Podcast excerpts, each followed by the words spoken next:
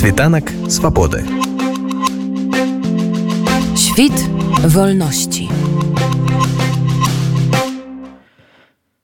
Падар Іван ужо больш за тыдзень расійскія прапагандысты крычаць аб нібыта ўжо пачаўшымся контрнаступе ўкраінскіх войскаў таксама відавочна і павелічэнне баявой актыўнасці вось на вашу думку ці можна казаць аб пачатку гэтага самага украінскага контрнаступу это прелюдій Це ще прелюдія, ми ще нічого не починали. Ну насправді я думаю, це просто ну, прелюдія ну, без жартів.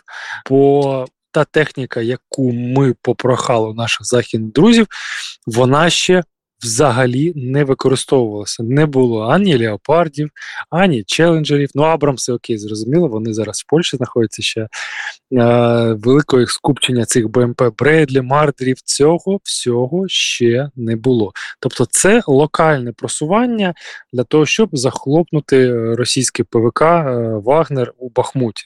Поки вагнерівці рвуться до західних околиць Бахмута. Вони вже там завантажили місто на 97% чи 98%. Їм ще залишилося взяти пару будинків, як вони кажуть, багато поверхівок, але насправді їм тільки зруйнувати їх треба. Але в той же час по околицях навкруги, як кліщами, обходять наші військові, там десь 20 кілометрів квадратних пройшли. Тобто там ну, просування є. Ну але ж ёсць і прыклады такога доўгага вельмі пачатку наступальных аперацый напрыклад амерыканцы ў іраку там некалькі месяцаў яны вялі наступ вось у паветры знішчаючыя сістэмы супрацьпаветранай абароны ірака і склады і толькі потым пайшлі наземныя сілы ці не можа быць так што заходнія дарацы просто прапанавалі менавіта такі варыянт аперацыі бо мы ж ведаем што вось заходнія дарацы афіцеры яны працуюць з узброенымі сіламі Україніны Ну, у нас ще не приїхала. Те, що ми очікуємо, президент зазначив, що там та кількість техніки, на яку ми очікували, вона ще не приїхала. Ну і забув, не забувайте, що росіяни, в принципі, от своїми атаками вони частково там гальмують наш наступ, о, десь влучають в склади. На жаль, ну це не таємна інформація, десь влучили. Ми не знаємо, що насправді там було знищено, чи західна зброя, чи радянська зброя, але це теж в свою чергу гальмує. І ось буквально до 2 травня в Україні була ну жахлива погода. Там і волого було, і земля мокра була, і техніка вгрузнула. Тому до 2 травня ну, взагалі не можна було почати. Тільки ось два тижні пройшло з тих пір, як погода більш-менш налагодилася. Тому спочатку зараз погода, техніка, але ми отримали класне озброєння від Великобританії, Storm Shadow, ці ракети, і вони вже почали працювати. Вже було зруйновано великий штаб росіян в окупованому Луганську. Дуже далеко за лінією фронту, близько 100 кілометрів. Тобто, звичайними озброєннями ми туди дістатися не могли. А тут Storm Shadow запустили, і вони там знищили ну, велику будівлю, і там велику кількість росіян. Я думаю, що у нас ще будуть такі влучання, великі скупчення і великі склади. Тобто це буде вся підготовка для контрнаступу. Асноўныя баі зараз ідуць вакол бахмута. Дарэчы баі з яго ідуць ужо больш за 9 месяцаў і насамрэч там же па сутнасці за бахмутам ідзе такі ж самы бахмут ну, будзем так казаць то бок там некалькі лініяў умацавання украінскіх войскаў і ўсё роўна расейцы спрабуюць ціснуць менавіта на гэтым напрамку на вашу думку навошта яны гэта робяць? Ці сапраўды такі важны гэты горад? Так дивіться в цей город було вкладно стільки зусиль росіянами, навіть не скільки росіянами, скільки вагнерівцями, безліч техніки, безліч людей покладено, безліч часу згаяно на це місто, але в них вже ж це ж це ж зеків, в них немає, в них ці поняття не по пацанячі кидати, да? там кидати стільки вкладено, треба на характер брати. І ось вони на характер 8 місяців, 9 місяців Пригожин бере. Для нього це вже ідея фікс, для нього це виживання а, в Кремлі. Це екзистенційне питання.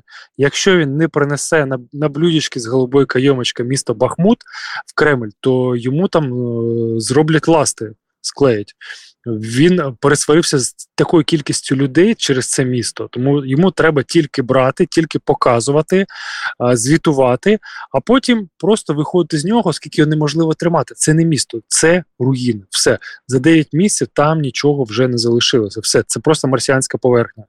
Тому він от дійде до останнього будинку, а потім йому доведеться виходити на якусь іншу позицію.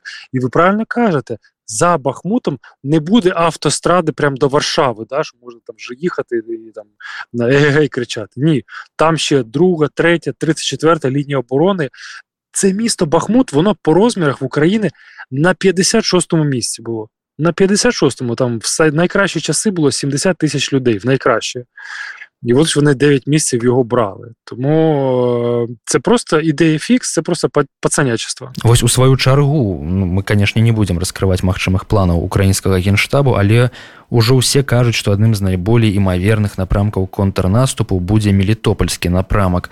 Гэта ж па сутнасці стэпы там няма за што зачапіцца і што абараняць. На вашу думку, ці варта ўвогуле там расейцам трымаць абарону? Ну вони будуть тримати там деякі місця є, де створено 6 ліній, шість ліній оборони. Мінні поля траншей, мінні поля траншей. Вони думають таким чином е, загальмувати український контрнаступ. Я я не знаю, в якому напрямку буде, якими силами. Да? Де буде основний, де буде відволікаючи, але 100% наші військові будуть виносити великі склади і штаби росіян для того, щоб зірвати їм логістику. Це класика цієї війни Це класична стратегія. Ми будемо це робити максимально для того, щоб зіпсувати їм оборонні всі заходи і оборонну стратегію стратегію зірвати. А ось расійці таксама кажуть, що українські войски нібито будуть там ісці по російських територіях, окупують їх.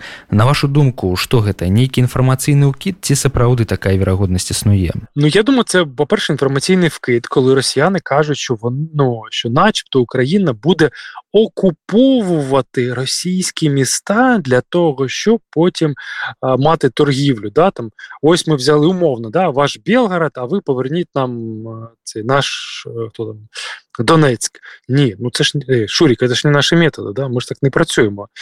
Е, Єдине, що ну, моє таке припущення, ну таке особисте моє, е, як варіант, українські війська, ну я б так зробив би, наприклад.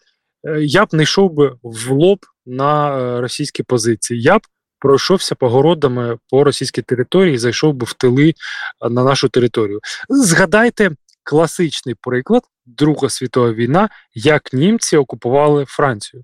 Вони ж не пішли на в лоб в лоб на цей на лінію Мажино. Що вони зробили? Вони просто через північ, через територію Бельгії, через Арденський ліс пройшли і потопталися по цих по, по огороду і зайшли на територію Франції, і все просто обминули цю лінію. От я б так би зробив, як варіант. Працягваючы тэму белгародскай вобласці там 13 траўня былі збітыя адразу два верталёты і два самалёты на вашу думку гэта таксама можа быць падрыхтоўкай да контрнаступу і дзейнасцю нейкіх украінскіх дрг ці гэта сваі ж расейцы іх там і пазбівалі Ну, дивіться, судячи з усього, це, мабуть, friendly friendly fire, оскільки російська пропаганда жодного разу не згадала про цю трагедію, ну, трагедію, про цей інцидент, 5 5 авіаційних суден було знищено. Вони не сказали ні про ДРГ, да, ні про укранацистів, бандерівців, взагалі нічого.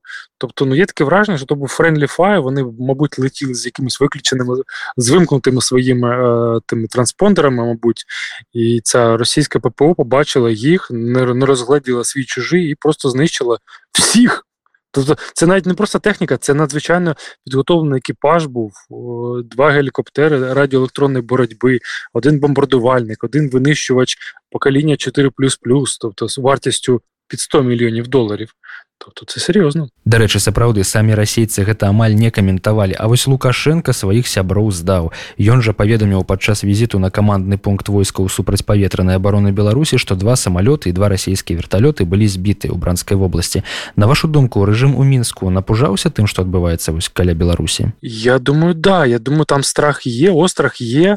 І дійсно підставив там розказав що ось там відбувся інцидент. Я розумію що велика кількість росіян про це не знає просто. Їм про це не розказували навіть Коса, криво не показували взагалі, не розказували.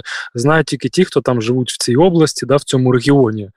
І я думаю, що ось е, така. Цікава накачка була з боку Лукашенки своїм військовим, щоб такого не відбулося у них, щоб не було такого friendly fire, щоб один одного не перестріляли, а українці навіть нічого не зробили для того, щоб знищити цю цю техніку авіаційну. Самі себе постріляли, ну і класно. Ну і працягваючы тэму Беларусі, ці назіраецца нейкая надзвычайная актыўнасць на мяжы з Білоруссю перад гэтым контрнаступам ці варта чакаць вось на гэтым напрамку нейкіх абвастрэнняў Ну дивіться, ми поки що нічого не бачимо. Наші кома- наше командування нічого такого не бачить.